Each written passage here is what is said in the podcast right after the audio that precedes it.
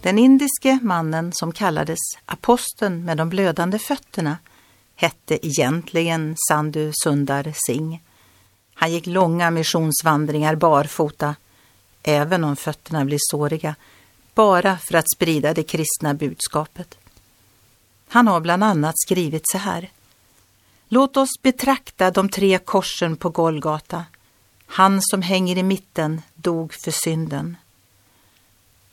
Den ena rövaren vid hans sida vände sig mot honom och bad Herren innerligt att han skulle visa honom nåd.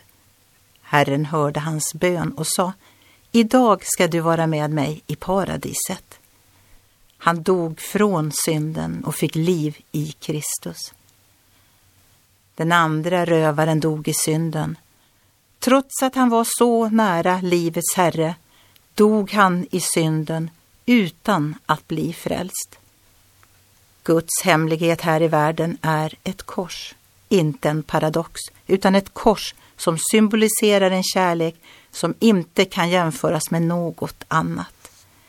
En Gud som gav sin son av nåd och välvilja. Aposteln Paulus skrev, ty detta budskap om korset är en dårskap för dem som blir förtappade, men för oss som blir frälsta är det en Guds kraft.